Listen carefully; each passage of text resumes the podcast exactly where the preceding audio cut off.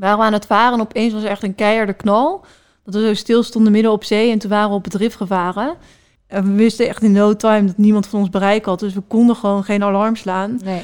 Toen zeiden we, ja, is het niet een idee om dan die urine op te vangen, dat we Ja. dan dat gaan drinken? Want dan hebben we in ieder geval iets van vocht dat we nog binnenkrijgen. Dus, en we zijn op een onbewoond eiland en er zijn geen mensen. We kunnen hier waarschijnlijk ja, geen eten, geen drinken vinden. Dus stap 2 is eigenlijk om het eiland te overleven. Hoi, ik ben Iris Enthoven en goed dat je luistert naar de podcast Held in Eigen Verhaal. Want iedereen heeft zijn eigen verhaal, groot of klein. En elk verhaal over een held begint met een tegenslag. Maar wat is het omslagpunt en hoe zet je zoiets om in iets positiefs? Deze week heb ik Els Visser in de podcast. Zij overleefde een schipbreuk, zwom acht uur lang om zichzelf te redden, dronk urine om te overleven op een onbewoond eiland en wilde vervolgens professioneel triatleet worden in plaats van chirurg. En ik vind het echt een mega vet verhaal. Het lijkt bijna een film. Dus ik ben echt heel blij dat je er bent. Hoe gaat het met je? Dankjewel voor de uitnodiging. Ja, goed. Ehm, fijn om in Nederland te zijn. Ik heb eh, best wel lang in Australië gezeten om daar eh, te trainen. En nu eh, lekker weer even onder familie en vrienden thuis. En dat was ook best wel een beetje zoeken in de agenda bij ons. Want jij vertrekt volgens mij maandag naar Oostenrijk om te trainen. Klopt, ja. Maandag ga ik weer naar het buitenland. En dan eh, kan ik daar weer vier weken focussen op mijn trainingen. En eh, ja, dan toch weer wat minder afleiding dan eh, hier thuis. En is het dan ook beter om in Oostenrijk te trainen? Ehm, nee, ik ehm, ben een van de Red Bull atleten en het ehm, hoofdkantoor van Red Bull zit in Oostenrijk. En ze hebben daar een heel groot eh Athlete Performance Center, heet dat. Een heel groot eh, trainingscentrum. En daar kunnen we gebruik maken van alle faciliteiten. Wat vet. Ja, ja. Dus dan zit je ook met een hele club aan atleten. Dus ik denk dat het ook heel motiverend werkt. Ja, klopt. Ja. Dus je, ik weet niet wie er zijn, maar van eigenlijk alle verschillende sporten is iedereen daar welkom en eh, kunnen we daar trainen. Ja, Wat leuk. ja Wat heel mega leuk. vet. Maar jouw passie voor triathlons is met een iets minder leuke gebeurtenis natuurlijk begonnen. Eh, een aantal jaar geleden ben jij terechtgekomen in een schipbreuk. Mhm. Ehm, we gaan even helemaal bij het begin beginnen natuurlijk hoe jouw passie is ontstaan. En dat is Ja. helaas natuurlijk met die gebeurtenis gebeurd. Mhm. Eh, wil je ons meenemen naar eh, ja, 2014. 2014, ja, een aantal jaar terug? Ja, ja. Ehm, ja, ik was op dat moment geneeskundestudent. Ik was in Utrecht aan het studeren en tijdens mijn studie ging ik al verschillende reizen maken.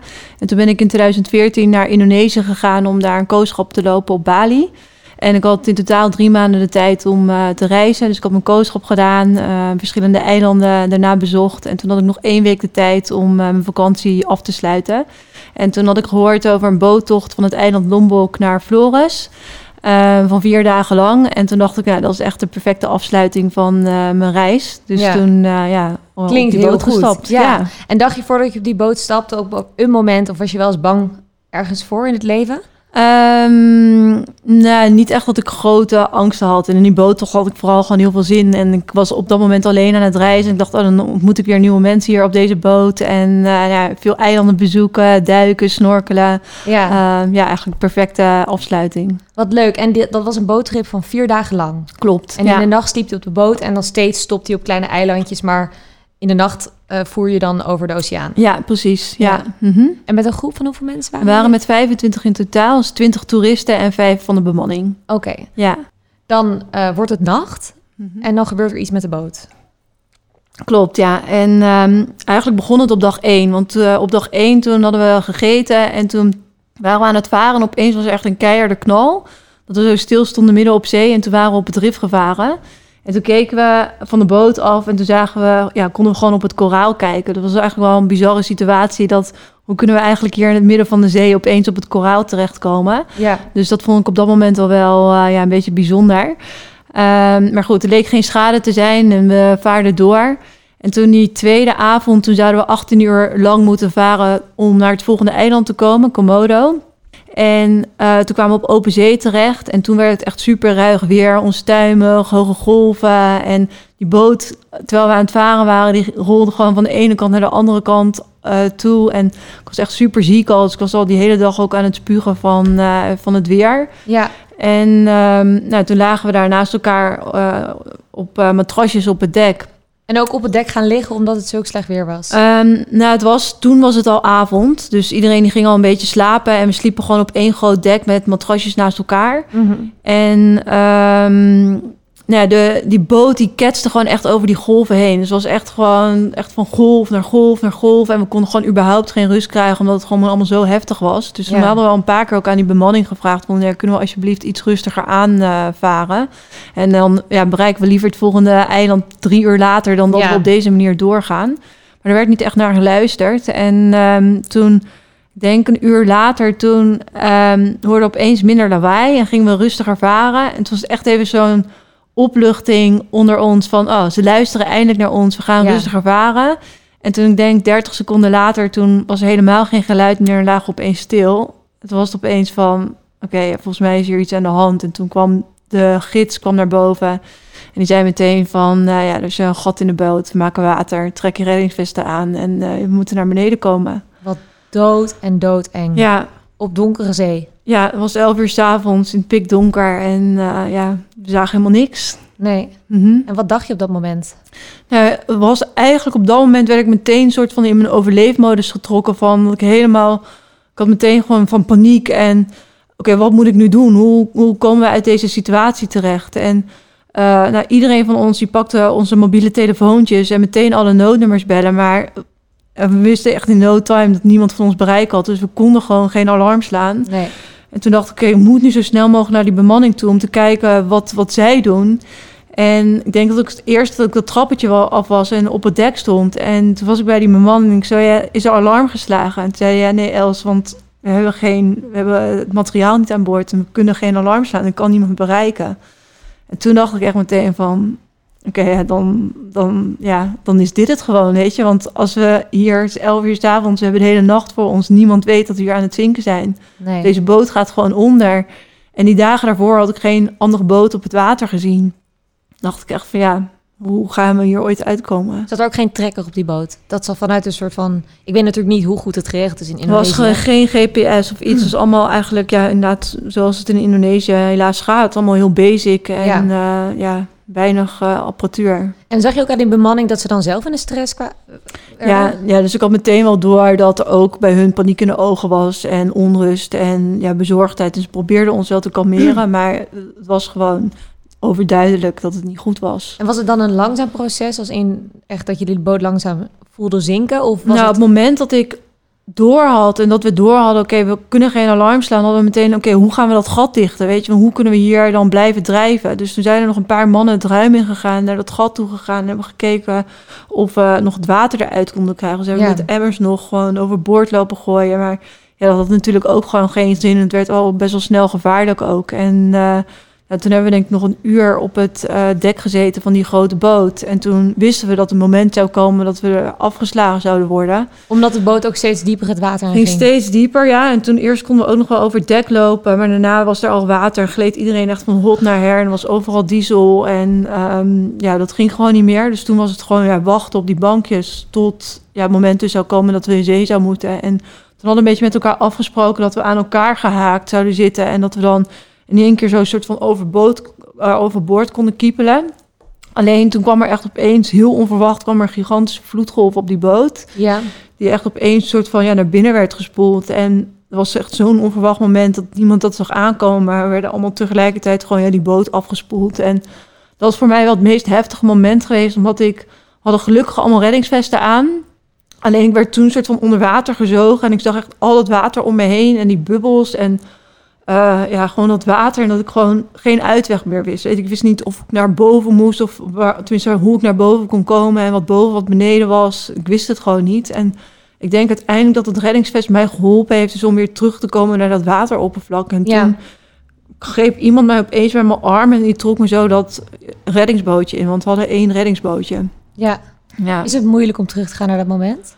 Ehm, ja, soms wel. Dus als ik nu over vertel, dan merk ik echt wel dat er weer een soort van ook emoties opkomen. Maar het hangt heel erg af van het moment. Soms dan kan ik er ook over praten en dan doet het me niks. En dan lijkt het Ja. net alsof ik over een ander persoon praat. En een andere keer dan zit ik er weer middenin. Ja. Nee, dat, ik voel dat ook zo. Dat ik, het voelt echt alsof we erbij zijn. En Hmm. dat, dat, dat, wat, je, wat voor angst je moet hebben gevoeld.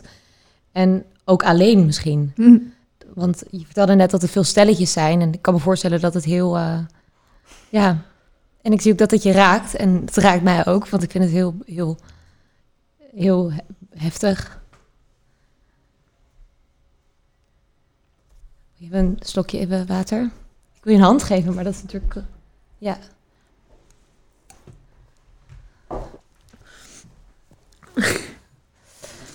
Ik weet ook niet waarom me nu dan opeens weer raakt, weet je. Want ik kan er echt 9 van de 10 keer, dan praat ik er gewoon heel normaal over. Ja, En soms dan bevliegt het me wel gewoon. ja. Nou, ik, ik, ik snap je heel goed.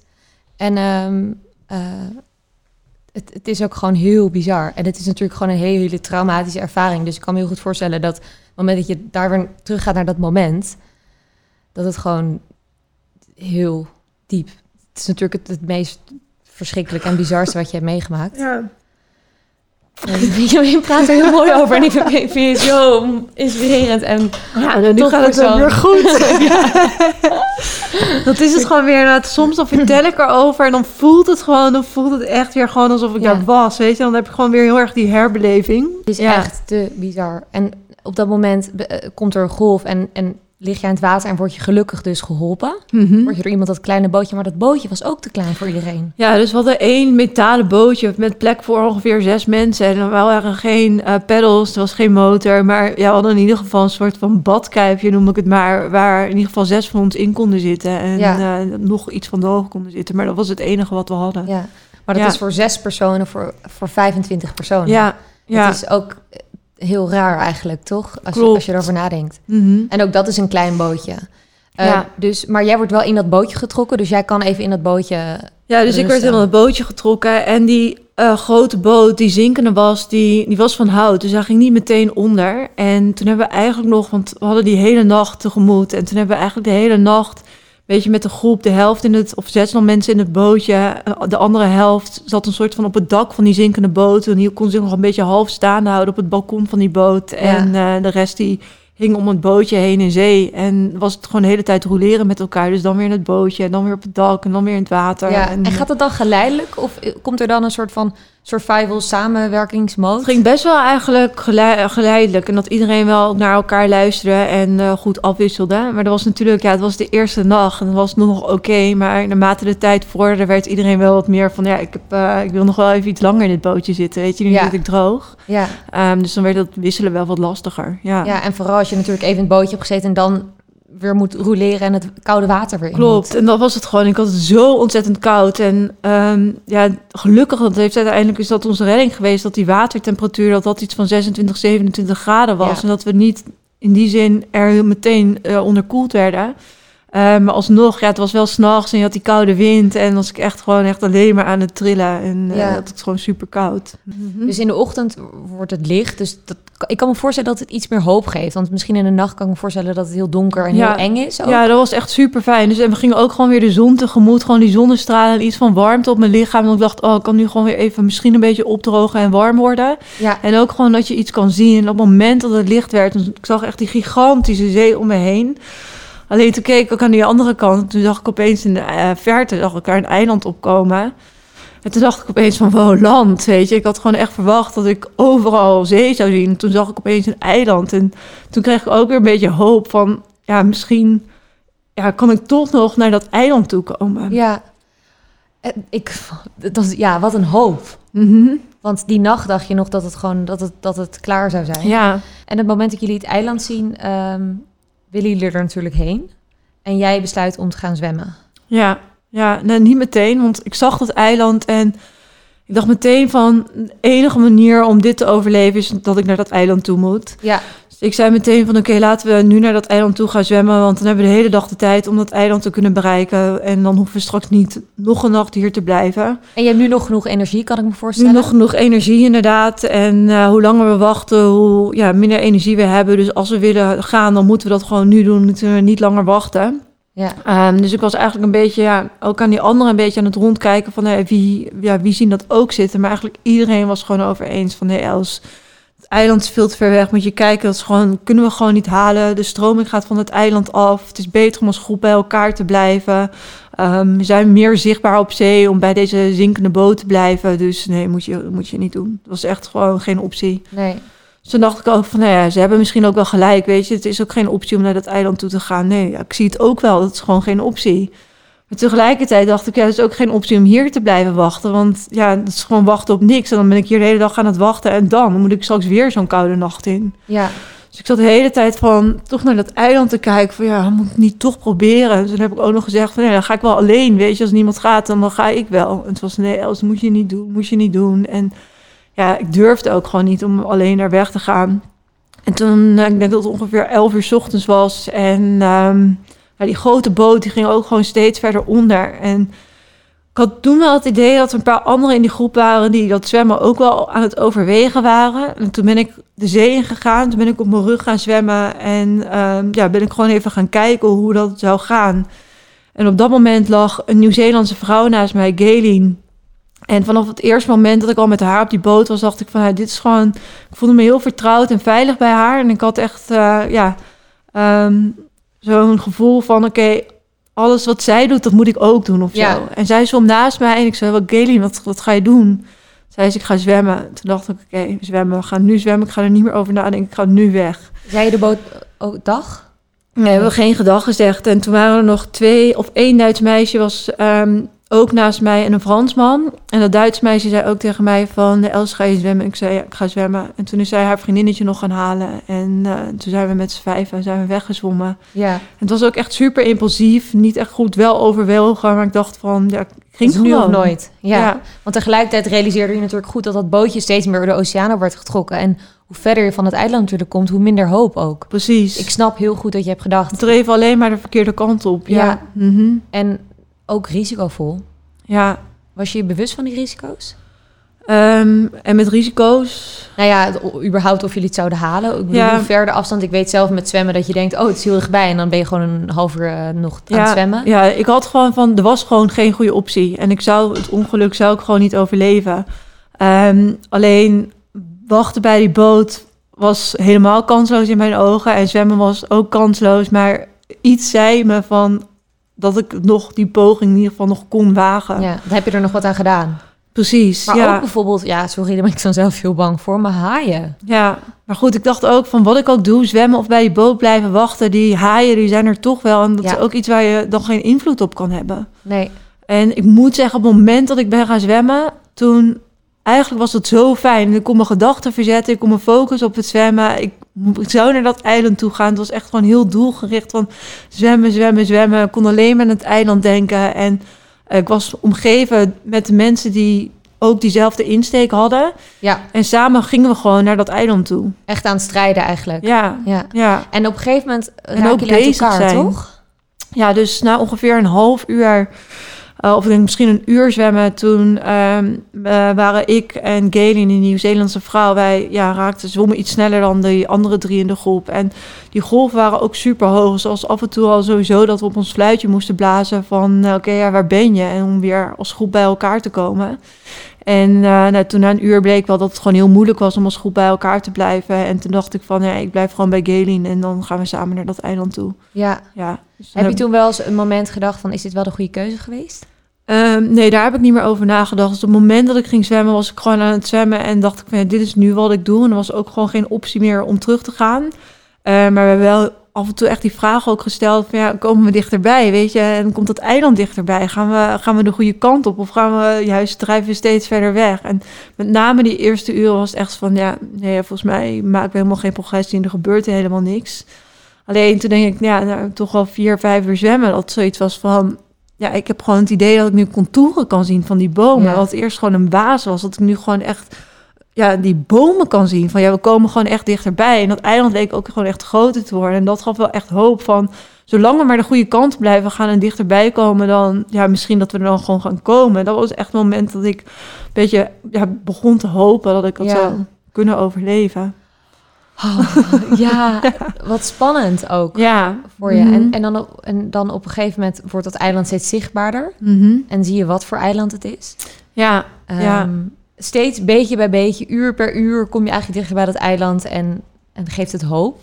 Ehm, tijdens het zwemmen, wat voor gedachten gaan er in je hoofd om? Het was eigenlijk vanaf het moment dat ik hoorde dat die boot aan het zinken was, kwam ik in een soort van overleefmodus terecht. En heb ik al mijn emoties gewoon helemaal uitgeschakeld, geblokkeerd. Was ik alleen maar, oké, wat moet ik nu doen om me uit deze situatie te redden? En Heel rationeel dus eigenlijk. heel al. rationeel. Ja. Ja. Ja, Ben je ook normaal zo?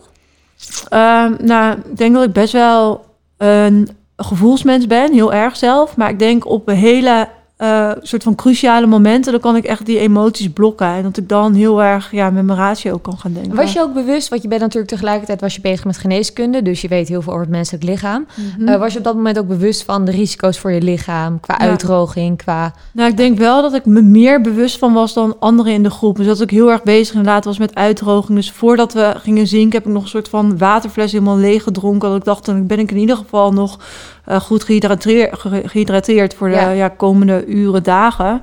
Ehm, en ehm, dat ik ook nog dacht van ja, onderkoeling is straks ook gewoon echt super belangrijk. Dus ik moet proberen om zo warm mogelijk te blijven. En af en toe dingen in mijn lichaam checken van, nou, voelt het nog goed? En eh, ja, gaat het nog goed met me? Ja, Dus daar was ik wel bewust mee bezig. Ja, en dan op een gegeven moment voel je iets onder je voeten. ja, ja dat was echt van wow.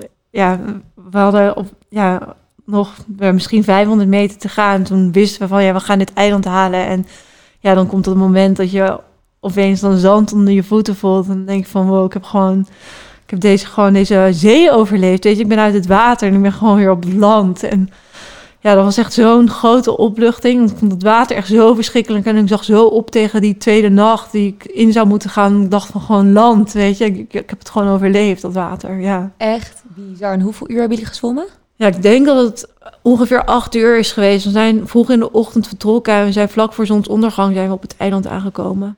En, dan, en hoe, hoe gaat dat moment? Is dat Ja, heel euforisch? Ik was echt super blij en echt helemaal happy. En helemaal dat ik Galen wilde omhelzen. En van wow, wow, we zijn er gewoon, weet je. En Galen die had het ook wel. aan, eh, ja, we hebben elkaar even een soort van gehukt. Alleen toen was het snel. Zei zij van Els, besef je wel dat hier niemand is. En we zijn op een onbewoond eiland. En er zijn geen mensen. We kunnen hier waarschijnlijk ja, geen eten, geen drinken vinden. Dus stap twee is eigenlijk om het eiland te overleven. Ja, dus zij was gelijk al best wel realistisch. Zij was heel realistisch, ja, ja. Ja. En zij liet het eigenlijk, die emoties liet zij nog niet toe, die Nee. ik wel toeliet. Ehm, maar doordat ze dat zei, was ik ook echt in no time weer terug in mijn overleefmodus. En was weer van, oké, ja, wat gaan we We nu weer doen? niet gered. Ja. Nee, dus Ja. we hebben ook echt geen seconde op dat strand gezeten. Nou, het was ook geen strand, het was meer echt eh, een beetje stenen en struiken. Maar geen seconde daar gezeten, was meteen, oké, wat gaan we nu op dit eiland doen? Ja, wat doe je dan? Nou, we zijn eerst soort van landinwaarts gelopen en toen hoorden we daar geritsel. En toen was het echt zo van, oh help, help. En toen dacht ik, oh, er zijn hier mensen dan toch. En toen zagen we daar van die wilde zwijnen, zagen we daar wegduiken. Ehm, en er was meteen ook wel een beetje geruststelling van, oh, als hier dieren zijn, dan moet er waarschijnlijk ook water zijn. En Ja. iets van, eh, ja, om, om te kunnen blijven, eh, ja, om te kunnen overleven. Ja, en dan is het waarschijnlijk een veilig eiland als er grotere dieren zijn. Ja, ook dat. Was wel een vulkanisch eiland en die nacht Oh ja. hadden we ook al een soort van lava zien stromen. Het was ook echt een actieve vulkaan. En dat was ook de reden waarom daar geen mensen meer woonden. Ehm, maar eh, ja, in ieder geval was dat van... oké, er is hier, ja, lopen hier beesten rond... en ja, we kunnen hier waarschijnlijk water vinden. En toen eh, nee, zijn we op zoek gegaan naar water... ehm, wat we op dat moment nog niet konden vinden. En verder hebben we pijlen gemaakt op het strand van... oké, we lopen nu deze kant op... want we dachten, ja, misschien komen er nog andere zwemmers... of andere mensen straks op het eiland... en dan weten ze in ieder geval dat we deze kant op lopen. Ja. En ehm, nou, toen werd het eigenlijk al snel best wel eh, donker en schemerig. En het was allemaal best wel oneffen terrein en eh, moeilijk om ons staande te houden. En toen zeiden we ook van, nou ja, laten we nu maar even rusten. En dan zien we morgen weer eh, ja, hoe het verder gaat. Ja. ja. En hoe fijn dat je met z'n tweeën bent. Ja, dat was echt super fijn. Het is ook echt een soort van bizarre film of zo. Want je komt tot het eiland en dan is het ook Klopt. nog eens een, een, een vulkanisch Onbewoond en-. Het is Mhm. echt gewoon castaway, maar dan Ja. echt real life. Ja, Gewoon. klopt. Ja. Heb je dat op dat moment ook door van waar de fuck ben ik? Ja, ik had wel op het moment, want wij hebben toen vlak eh, bij het water vonden we een kuil waar we beschut konden liggen. Omdat we dachten, we liggen we weer uit de wind. eh, maar toen blijven we tegelijkertijd wel dicht bij het water. Dat we mogelijke boten die langs kunnen, langskomen, dat we die kunnen zien.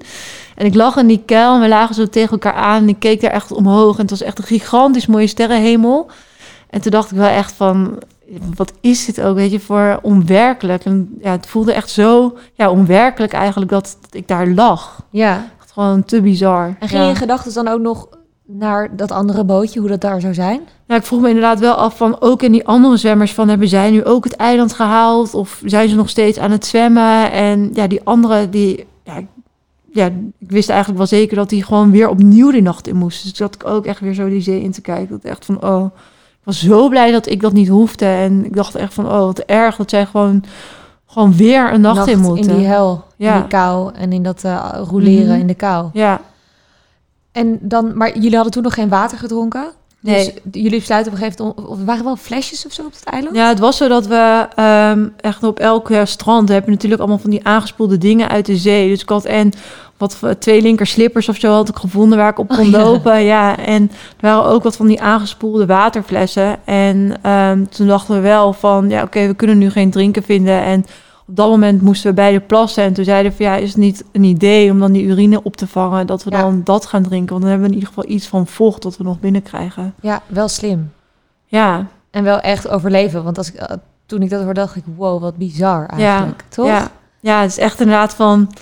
Dat als je er in een normaal leven over praat... van joh, hoe bizar dat je urine opdrinkt. En ja, daar deden we het gewoon. Het was Ja, natuurlijk. ja. gewoon Mhm, overleven. Precies. En dan de hele de nacht gaan je er eigenlijk samen slapen. En dan wordt Ja. het weer licht. Ja, ja, dus toen bij zonsopgang eh, werd het weer licht. En het was ook meteen weer een soort van lijstje samen maken. Oké, wat gaan we vandaag doen? Nou, en toen was wel duidelijk dat water soort van nummer één was. Ja, we willen gewoon echt graag water vinden. En dat we dachten, ja, hopelijk dat we hier toch misschien wat mensen kunnen vinden. Dus misschien een bepaalde kant op lopen om te kijken of er iets van leven is. En ja, dus toen hadden we het echt van, ja, oké, we gaan nu vandaag proberen we water te zoeken. Misschien iets van leven dat we kunnen vinden. En verder moeten we eigenlijk zo dicht mogelijk bij die kust blijven. Want als er iets langskomt, dat we in ieder geval kunnen zijn dat wij hier op het eiland zijn. Was zij ook alleen? Ehm, zij had haar man in zee achtergelaten.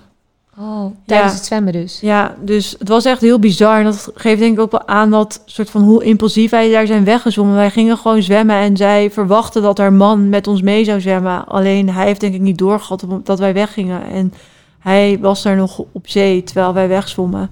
Dus zij zat ook echt de hele tijd met haar gedachten bij die man van ja, waar is die? En eh, ja, is hij ook gaan zwemmen of is hij nou op het water? En hoe gaat het met hem? En Ja. daar maakte zij zich ontzettend ongerust over. Ja, want zij was misschien op dat moment ook zelf gewoon bezig met overleven. Dat kan Ja. je zo ook niemand kwalijk nemen Nee. natuurlijk. Nee, klopt. Maar het is natuurlijk wel super heftig voor haar.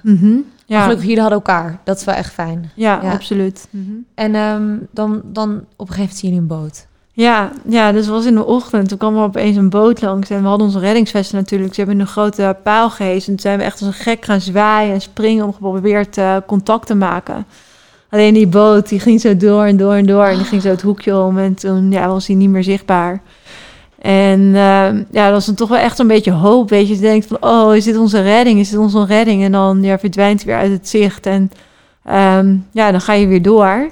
Ehm, en aan de andere kant had ik het ook wel weer een beetje verwacht. Want ik dacht van ja, ze zijn niet naar ons op zoek. Dus het moet nu per toeval zijn of zo dat, wij, dat ze ons nu zien.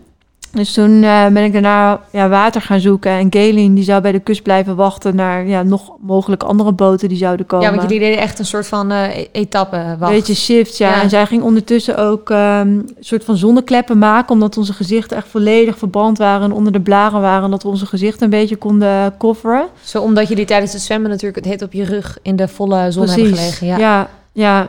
En eh, nou, toen ben ik naar water gaan zoeken. En toen heb ik echt een gigantisch grote waterplas gevonden. Wat ik echt zo blij was. Ik dacht van, wauw, we kunnen hier gewoon waarschijnlijk ja, de komende dagen, weken misschien ook Ja. wel overleven. Want het is gewoon water hier. Ja, En vast ook wel eten als er wilde zwijnen zijn. Precies, Ja. ja. En, Wat een ehm, geluksmoment. Echt een geluksmoment, ja. Dus ik die twee eigenlijk aangespoelde flessen die we die dag ervoor hadden gevonden, ik helemaal vullen en leeg gedronken, gedronken en nog weer en nog Oh, weer. En toen liep ik echt vol trots met die flessen zo terug naar Galeen. En op het moment dat ik terugliep naar haar, toen kwam opeens die boot die in de ochtend voorbij was gevaren, die kwam weer terugvaren. Maar dit keer kwam die gewoon echt op mij afvaren. Dat ik echt dacht van, wow. En toen heb ik die flessen water weggegooid. En ben ik weer als een gek gaan springen, geprobeerd contact te maken. Die boot, die boot die bleef maar op me afkomen en afkomen. En toen kwam opeens een heel klein ja, reddingsbootje van die grote boot af. En die ja, kwam op mij afgevaren. En dat was mijn redding. Ja. Ja. En wat gaat er dan in je om? Nou, op dat moment was ik echt gewoon... Ging, kwam, ging dus eigenlijk uit die overleefmodus. En waren gewoon echt al mijn emoties. En ja, heel veel huilen en zo blij. Ja. En ik ben dat bootje ingesprongen. ben die man echt om de armen gevlogen. en ik was hem zo dankbaar. Die had waarschijnlijk van- nog geen idee. die dacht echt, wat overkomt mij, weet Ja. je. Maar ik was, hem, ik was zo blij en ik, ja, mijn leven ging gewoon door. En ik had gewoon echt twee dagen lang gedacht van... Ja, er komt gewoon een einde aan. En nu was het gewoon van... het gaat gewoon nog door. Ja, er is nog hoop. Ja, En, en dan, eh, ik merk dat ik er ook zelf, ik zit helemaal in je verhaal. Ehm, dan ga je met het bootje mee terug naar het vasteland. ja. En dan heb je het, het eerste gesprek misschien met je ouders of met je vriendinnen of met familie. En hoe, hoe gaat dat? Zij hebben natuurlijk op dat moment nog geen idee, toch? Klopt. En op het moment dat wij terug waren op het eigenlijk vaste bewoonde eiland, toen merkten we al snel dat opeens toch de media het had opgepakt. En we hadden beschikking over een telefoon.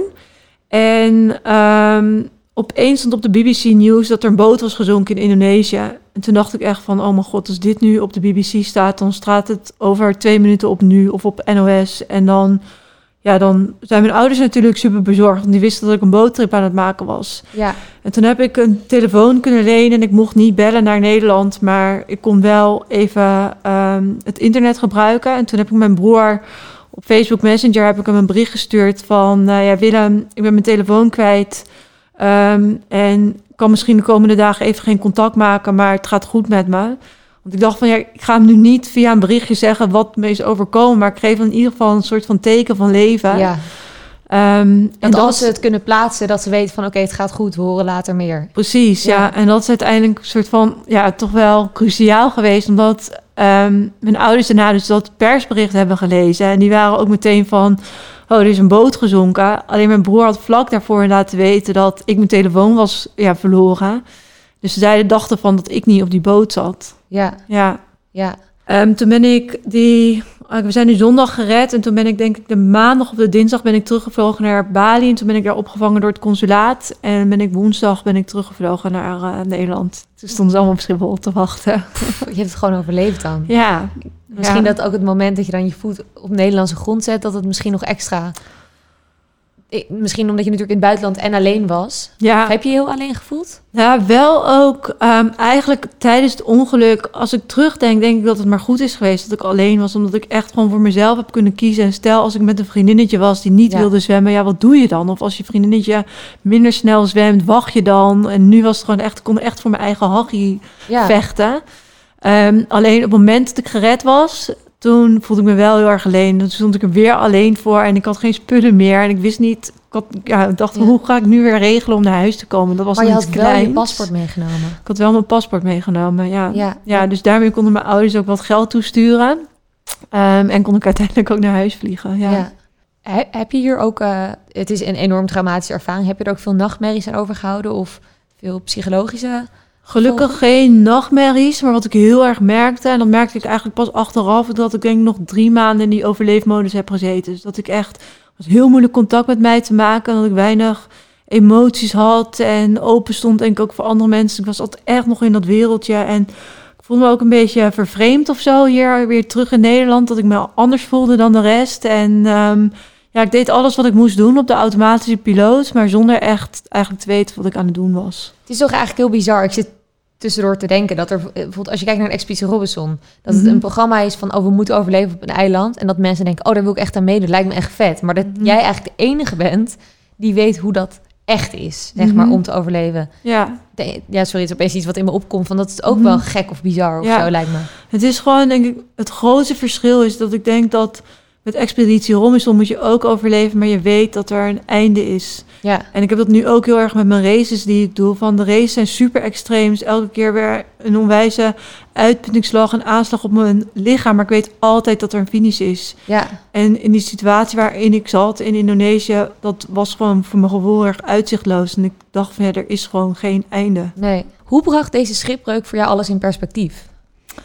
Ehm, ik was vooral, denk ik, gewoon heel erg dankbaar ook dat ik er nog was en dat mijn leven gewoon mocht doorgaan. En ik had echt ervoor een heel mooi leven in Utrecht met studeren en vriendinnen en leuke dingen aan het doen. En dat ik gewoon nu weer een nieuwe kans kreeg om nog te blijven leven en de dingen te blijven doen die ik heel graag wilde doen. En ik denk van het moment dat ik ja, weer terug was, dat ik ook echt dacht van ik ga nu gewoon alle kansen grijpen die ik krijg. En eh, ik wil gewoon niks meer missen. En eh, ja, ik ga gewoon echt leven. En ook meer met de dag. In plaats van echt heel erg vooruit plannen en denken over ja, wat over vijf of over tien jaar. Maar gewoon echt nu doen wat ik leuk vind. Ja, niet dat soort van gebaande pad. ja. Ja, Mhm. want op dat moment wilde je, of in ieder geval voor de schipbreuk was je droom om arts te worden. Ja, Ehm, maar dan kom je in aanmerking met de triathlon. Ja, ja, dus ik heb mijn studie afgemaakt. En een jaar na eh, Indonesië ben ik al afgestudeerd. En toen ben ik nog gestart met een promotieonderzoek bij de chirurgie.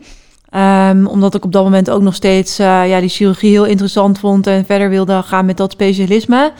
Ehm, maar toen ben ik ook wat uiteindelijk heel erg heeft geholpen voor mij als therapie is dat ik ben gaan hardlopen. Ja. Dus sommigen die vinden het misschien fijn om ook uh, te praten en coaching sessies te hebben, maar voor mij hielp het heel erg om mijn gedachten te verzetten met hardlopen. En op die manier merkte ik eigenlijk dat ik uh, dat hardlopen heel natuurlijk ging en uh, ja, dat ik daarin eigenlijk hele ja echt wel snel stappen maakte. Ja. En tegelijkertijd um, ja, verwerkte ik ook dat wat ik had meegemaakt. Um, en toen denk ik in, ja, dat was twee jaar na het ongeluk. Toen deden vriendinnen van mij mee aan een triathlon in Amsterdam. En uh, toen heb ik me daar ook voor ingeschreven en zijn we dat samen gaan doen. En dat vond ik heel erg leuk. En um, toen ik die had gedaan, toen begon een van mijn collega's te vertellen over uh, de Ironman races, de, ja, de triathlons die ik nu doe. De Ironman races zijn zeg maar echt voor de allergrootste bikkels. Want hoeveel is het ook weer per wat je dan doet? Um, je zwemt 3,8 kilometer en dan ga je 180 fietsen en dan een volledig, volledige marathon lopen. Ja, alsof dat dan nog niet genoeg is geweest. ja. En uh, even gek, maar 3,8 kilometer zwemmen. Hoeveel heb je, weet je hoeveel je hebt gezwommen toen er tijd? Nee, nee. En ik denk ook dat het gewoon zo lastig is met die stroming en zo. Ja. En, uh, nee. en toen kon je nog helemaal niet goed zwemmen. Nee, nee. Ik heb vroeger wel langer gezwommen dan normaal. Dus ik heb iets van wedstrijdzwemmen gedaan. Dat was niet heel competitief, maar in ieder geval dat ik... Technisch uh, gezien kon je wel... De, uh, ja, de ja. slagen wel redelijk goed kon. Um, maar ja, nee, die hele triathlonsport was nieuw voor me. En ja. dan um, schrijf je je in voor de Ironman. Ja, ja. Spannend, sowieso. Ja, heel erg, ja. En, en dan ga je natuurlijk voorbereiden. Ja. Uh, hoe gaat dat? Ja, ik had uh, daarvoor had ik een marathon al gelopen en toen dacht ik van ja, deze Ironman dat zie ik nu gewoon als nieuwe uitdaging en hoe vet is het gewoon als je zo'n race kan finishen. En ik had het filmpjes. Het is het uh, allervetste ooit. Ik heb echt sowieso voor sporters en atleten heb ik ongelooflijk veel respect. Mm -hmm. Er zit zoveel discipline en zoveel doorzettingsvermogen bij. Ja. Maar voor de Ironman-atleten ja. heb ik nog wel een tikkeltje extra respect. Ja, en ik zag dan voor het eerst ook die filmpjes. En toen dacht ik ook echt van, hoe kan je in godsnaam gewoon zo'n race finishen? Weet je, hoe dan? Hoe, kan je dat ooit doen? Maar ik bleef het kijken en toen dacht ik wel van, ja, weet je, als ik het echt een keer zou willen, dan, ja, dan zou ik het gewoon echt een keer moeten doen. En op dat moment deed ik dus mijn promotieonderzoek en was ik nog niet heel erg druk in het ziekenhuis met nachtdiensten en weekenddiensten. Dus ik dacht van als ik het wil doen, dan is dit jaar mijn kans. En toen heb ik me eigenlijk gewoon ingeschreven voor uh, ja, de Ironman dan in uh, Zwitserland tien maanden later. En uh, toen ben ik gewoon gaan trainen daarvoor. Ja. ja, en is het ook door wat je hebt meegemaakt dat je daardoor ook nog strijdlustiger werd? Ik um, denk wel dat ik altijd wel iemand was dat als ik een doel had of iets voor ogen had, dat ik dan ook er eigenlijk alles aan deed om daar, naar, om daar naartoe te komen. Um, maar ik denk wat me wel heel erg heeft geholpen, dat ik echt heel erg op mijn, ja, echt op mijn lichaam ben gaan vertrouwen en ook op mijn geest. Dat ik gewoon uh, ja, echt ook verrast ben geworden gewoon door de kracht van het menselijke lichaam, van hoe sterk wij zijn, weet je, en wat we allemaal niet kunnen doorstaan om uh, ja, te kunnen overleven. En ik dacht, ja, dan kan ik zo'n race als deze, als ik daar gewoon echt voor ga, dan kan ik dat ook finishen. Ja. En ik merkte wel dat ik eigenlijk in die tien maanden echt gigantische progressie aan het maken was en heel erg uh, ja, aan het verbeteren was. En die coach die ik had, die stond eigenlijk ook al een beetje te kijken van, mm, ze gaat eigenlijk best wel goed. Ja. Had je ook echt één specifiek moment dat je dacht, dit kan wel eens iets worden? Um, nou, ik denk dat die coach mij dat vertrouwen gaf. Want hij was dan ook weer verbonden geweest met de Nederlandse Triathlonbond. Dus hij wist wel een beetje ook wat je nodig had om goed te kunnen... of ja, echt professioneel om te kunnen worden. Ja. En dat zag hij wel in mij. Um, en hij gaf mij dat vertrouwen. En de races die ik als voorbereiding had gedaan, die had ik ja, ook gewonnen. Ja. Waardoor ik ook dacht van, ja, gaat het dus dan blijkbaar toch wel goed. Weet ja. Dus ik merkte ook wel dat het me makkelijk afging. En ik vond het ja, vooral ook gewoon onwijs leuk. De eerste races waar je mee hebt gedaan, heb je allemaal gelijk gewonnen? Ja. Bizar. Echt, hoe vet is dat? Ja. Want er zijn natuurlijk mensen die al jaren ervoor trainen. Ja, dat klopt. En ja. hoe, hoe komt het, denk je, dat jij... Was dat, is dat puur talent? Of is dat, zit dat heel erg in discipline of in doorzettingsvermogen? Ja, ik denk dat ik um, toch een natuurlijke aanleg voor die sport heb. En dat het dan, ja, dat het me toch al makkelijk afgaat. Maar ik wil ook wel... Kijk, um, het, is, het waren geen internationale race. of zo, gewoon ergens een lokale triathlon dat werd georganiseerd. Misschien met 50 vrouwen of zo. En alsnog is het natuurlijk wel, ja, wel knap. Ja, maar alsnog is wel, denk ik, de, het persoon dat meedoet aan triathlon is wel fit. Je gaat Ja. niet zeg maar op een random zondagochtend een Nee. triathlon doen. Dat is wel Nee. iets waar je, waar je voor traint. Ja, ja, dus het was inderdaad wel ja, bizar dat ik echt in zo'n korte tijd die races eh, ja, won. Ja. Ja, dus dan denk ik toch een stukje aanleg eh, wat ik al had. Ja. En want was je daarvoor ook sportief? Ehm, nou, tijdens mijn studententijd echt totaal niet. Ehm, en daarvoor heb ik altijd tennis gespeeld. Oké. Ja, Ja, dus iets niet heel anders. eh, triathlon, nee. En welk moment besluit je van... ehm, ik ga dit professioneel doen? Nou, op het moment dat eh, die coach wel aangaf dat hij zei van ja, Els, ik heb echt het gevoel als jij je volledig op die sport gaat focussen, dan denk ik gewoon dat jij mooie resultaten kan behalen. En ehm, toen had ik die Ironman gedaan in Zwitserland en daar kom ik ook als eerste over de streep. Ehm, en dat was wel een internationaler veld en ehm, ik kwam daar ook midden in het profveld over de finish. En toen dacht ik wel van, oké, ja, wow, ja, ik heb, ja, als ik dit nu net tien maanden al kan, van ja, wat zit er nog meer in, weet je? En ik vond het gewoon zo onwijs leuk, eigenlijk die hele tien maanden voorafgaand naar die race. En ik had er zoveel plezier uit en ja, ik vond het gewoon echt super vet. Ja. Dat ik echt dacht van, ja, als ik nu deze kans krijg, ehm, probeer het maar gewoon, weet je, ga er maar gewoon voor. Wat gaat er in je hoofd tijdens de Ironman om? Ehm, ja, het was echt gewoon heel erg. Het is ook heel erg wisselend met mijn eerste Ironman en hoe ik nu race. Dus ik ga nu echt racen om te winnen. En toen race ik eigenlijk om die eerste race gewoon maar te finishen. En nu ik race om te winnen, neem ik ook meer risico's. En race ik ook meer tegen mijn tegenstanders. En heb je meer tactieken en zo. En eh, race je eigenlijk ook op hogere intensiteit. Ehm, maar bij al mijn races is het wel dat ik gewoon heel erg gefocust ben in het proces. Oké, ik ben nu aan het zwemmen, ik ben nu aan het fietsen. En ik denk niet na dat ik 180 kilometer moet fietsen. Nee, nu eerst 10 kilometer, eh, dan naar de 20, deze kilometer. En gefocust blijven. Ehm, ja, druk blijven houden op die pedalen. Niet eh, afdwalen. En als ik merk dat ik afdwaal, van oké, weer bij de les blijven. eh, nu mijn voeding nemen. Maar vooral dus leven in het nu. Dus Wat eigenlijk jouw grootste les was na je schipbreuk. Ja, Echt gewoon focussen op wat je nu doet. Ja. En dat ook het elk moment dat je sport. En eh, ik merk soms ook wel zelf als ik aan het sporten ben. Dan ben ik aan, aan nadenken wat ik eigenlijk morgen voor werk moet doen. En Ja. wat- wie ik nog moet antwoorden. ja. En dan kan ik echt balen als ik niet lekker heb gesport. Mhm. Dus ik denk wel dat het een hele goede is om eh, alert op te zijn voor denk ik echt iedereen Ja. op hoog en op laag niveau. Mhm. Om eh, echt in het nu te leven als je sport, denk Mhm. ik. Ja, Op een gegeven moment besluit je ook echt om niet meer arts te worden, maar volledig op de topsport te Ja. focussen. Is dat Ja. een, moeilijke, een moeilijke switch geweest? Ja, het was best wel een lastige keuze. Want ik had natuurlijk heel lang gestudeerd. En ik vind ehm, ja, het arts zijn vind ik ook gewoon onwijs leuk. Weet je, het rondlopen in het ziekenhuis en het helpen van patiënten. En daar zijn met mijn collega's. En ja, het is gewoon een onwijs mooi vak wat er is. En tegelijkertijd vond ik die triathlon ook gewoon heel erg leuk. En dan was ik gewoon zo nieuwsgierig van, ja, wat kan ik bereiken? Weet je, als ik dit na tien maanden al kan, ja, wat kan ik misschien een kampioen worden? Ja, je Ja. weet het niet. Eh, en toen dacht ik wel van, ja, ik wil het gewoon een kans gaan geven. En ik ben nu nog jong en ehm, ja, dan... eh, ik heb in ieder geval gestudeerd en het is niet weg. Eh, dus ik gooi het niet zomaar weg. En ik geef mezelf nu de kans om mezelf hierin te ontwikkelen. En ehm, dan wil ik er wel ook echt volledig voor gaan. En eh, alles om me heen regelen, goed regelen. Dat ik er het optimale en het maximale eruit kan halen. Ja. En als het er dan niet wordt, dan nou, heb ik nog weer een ander heel mooi vak in het ziekenhuis. En als dit wel helemaal is, dan hoe gaaf dat ik het dan deze stap heb genomen. Wat zijn je doelen? Nou, voor ons de allergrootste race is de Ironman op Hawaii. En elk jaar wordt die gehouden in het tweede weekend van oktober. En daar moet je voor kwalificeren. En de 40 beste vrouwen en de 40 beste mannen in de sport, die mogen daar aan de start staan. Ehm, en in 2019 heb ik me daar eh, mijn debuut mogen maken. En eh, ja, heb ik me daarvoor gekwalificeerd. En eh, ja, mocht ik daar racen. En toen ben ik 16e geworden, wat ja, echt onwijs vet was. Heel knap. Ja. Ook dus de beste van Nederland. Eh, ja, ik was de enige Nederlandse vrouw die eh, ja, daarvoor zich had gekwalificeerd. Ja. Ja, ja. En ehm, ja, mijn eigenlijk ultieme goal, eh, doel is dat ik daar gewoon mijn podium kan halen. Ja, dus daar train ik nu eigenlijk Wat voor. vet. Ja, En is dat ook haalbaar?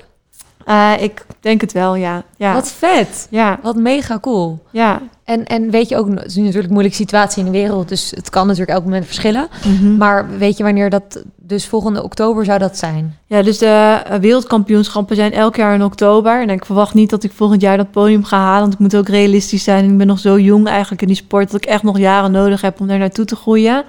Ehm, maar ik geloof er wel in dat die potentie er is. En als ik blijf trainen en eh, consistent kan blijven trainen... is ook heel belangrijk dat je eh, niet geblesseerd raakt. En ik er ook plezier in blijf houden. Dan, Ja, eh, ja, dat is dan het ik er- allerbelangrijkste, denk ik. Allerbelangrijkste. Toch? Ook ja, qua motivatie om te winnen. absoluut. Ja. En Ja. wat heeft jou, denk ik, als topsporter en ook qua mentaliteit gebracht met hetgeen wat je hebt meegemaakt? Want dat is toch echt wel een soort van omslagpunt geweest. Ja, nou, ik denk gewoon heel erg, want dat is met name die triathlon, het is zo'n mentale sport. En ik denk dat zo'n race, en met name die lange afstanden die ik doe, dat het ja, wel 40% mentaal is. Van hoe je, ga je met onverwachte dingen om, met tegenslagen in de race, ehm, ja, met druk. En het zijn altijd dingen die je op voorhand niet weet die er gebeuren. En je moet de hele tijd ook toch echt gewoon gefocust blijven, niet afdwalen, eh, geconcentreerd in het proces blijven. En ik denk dat ik... ehm, ja, ehm, daar echt wel heel sterk in ben, in dat mentale deel. En dat ik ook weet van wat ik heb doorstaan in Indonesië. En ehm, hoe zwaar het tijdens een race ook is, dat er altijd een manier is om naar die finish toe te kunnen komen. Ja, en wat zou dan eh, eh, voor misschien mensen die luisteren die veel sport doen, heb je nog bepaalde tips hoe je zeg maar juist aan die mental game kan werken? Ehm, nou, ik denk uiteindelijk dat je gewoon echt op je eigen kunnen moet kunnen vertrouwen. En je eigen krachten. En ik vind het jammer dat ehm, eh, er ook mensen zijn die vaak misschien een uitdaging niet aandurven te gaan. Van, oh, dat kan ik niet en het zal me vast niet lukken. Maar ik ben ervan echt van overtuigd dat als je het wil, dat je, dat je het gewoon kan. Ja. Kan het gewoon. Ja, En Nee, vertrouw gewoon op als ja. je een marathon aan het lopen bent, of een half marathon of een 10 kilometer, maakt niet uit. Maar je kan het gewoon. En zeg dat gewoon tegen jezelf en dan kom je er wel.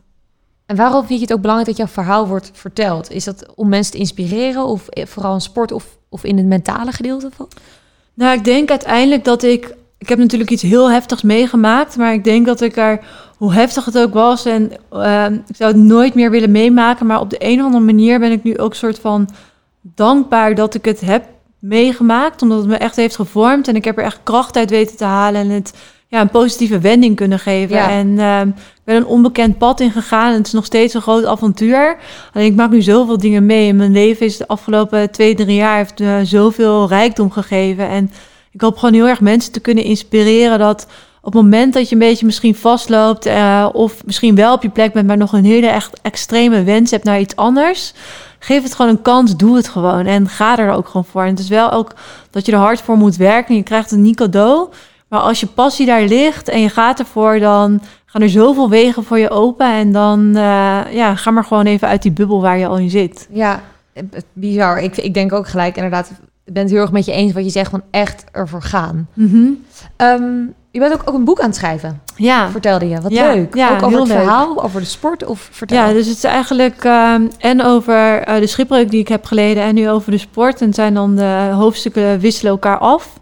Ehm, dus ja, daar gaat eh, ja, mijn boek over. Gaat bijna uitkomen. 12 januari. 12 januari komt het uit. Maar het kan al, want deze podcast komt iets eerder online. Het kan ook al worden gepre-orderd, toch? ja, ja, je kan hem al bestellen. En de titel is Geen Zee te hoog. Mooi.